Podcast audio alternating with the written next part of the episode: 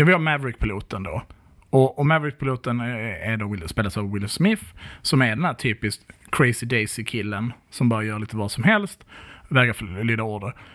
Sen är det ju väldigt många som är piloter i den här filmen. Eh, Bland annat presidenten själv. Presidenten själv eh, är ju pilot. Hon leder ju också uh, motstånd sista anfallet. En gammal gubbe som har blivit kidnappad av aliens, kanske, och utsatt för liksom någon sorts övergrepp. Det är lite spännande, för att i den här filmen är ju klass representerat av en man vit person. konspirationsteorier eller inte? Nej men han ju, om man tänker att de här olika rollerna, vi har, vi har den judiska forskaren, vi har den svarta stridspiloten som också har sökt till NASA, men har visst, det hintas ju att han har någon typ av politär bakgrund, han är ju gift med en strippa till exempel. Mm, just det. Ehm, och sen har vi presidenten som ju är ganska mycket en John F Kennedy-karaktär, karaktär, eller Bill Clinton. Alltså så här, Mm. Jag tänker att han är irländare. Amerikansk Just irländare liksom. Och sen så har vi den här galna då farbrorn. Precis. Eh, han heter väl Russell Casey i filmen. Han är ju då Vietnamveteran. Har, eh, ny, jobbar som besprutningspilot och är galen.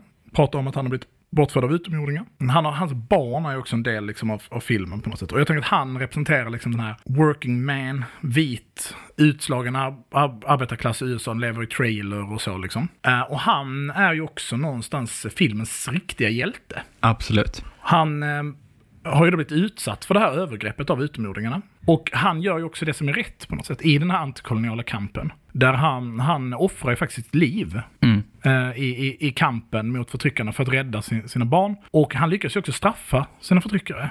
Alltså straffa och, och liksom eh, resa sig upp liksom. Han dör stående. Han dör faktiskt sittandes för att han flyger ett flygplan när han gör det. Men, men När han självmordsbombar dem. ja, precis. All right, you alien assholes! In the words of my generation, up yours! Och det är ju spännande hur starkt självmordsbombning hyllas i både ettan och tvåan.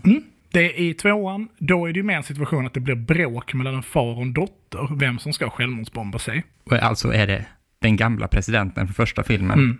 och hans dotter som är ett barn i första filmen är nu vuxen och vill egentligen vara självmordsbombare på sin pappas plats. Liksom. Det är ju liksom en dödskult som jag tänker har uppstått eh, i filmuniverset efter första filmen. Andra filmen utspelar sig 20 år senare. Och jag tänker att det är mycket att man hyllar olika människor som utsatt sig för livsfara, alternativt gått med på att göra olika självmordsuppdrag. Och den kulten, också väldigt amerikansk, många länder och kulturer som har, har en sån kult, men, men, men den kulten är, är är stark och jag tänker att det är det som är ett uttryck för den här dottern. Att liksom, mina föräldrar kan bara älska mig om jag begår självmord i kampen mot fienderna. Men det är lite spännande för en sån kult finns ju verkligen inte i Sverige.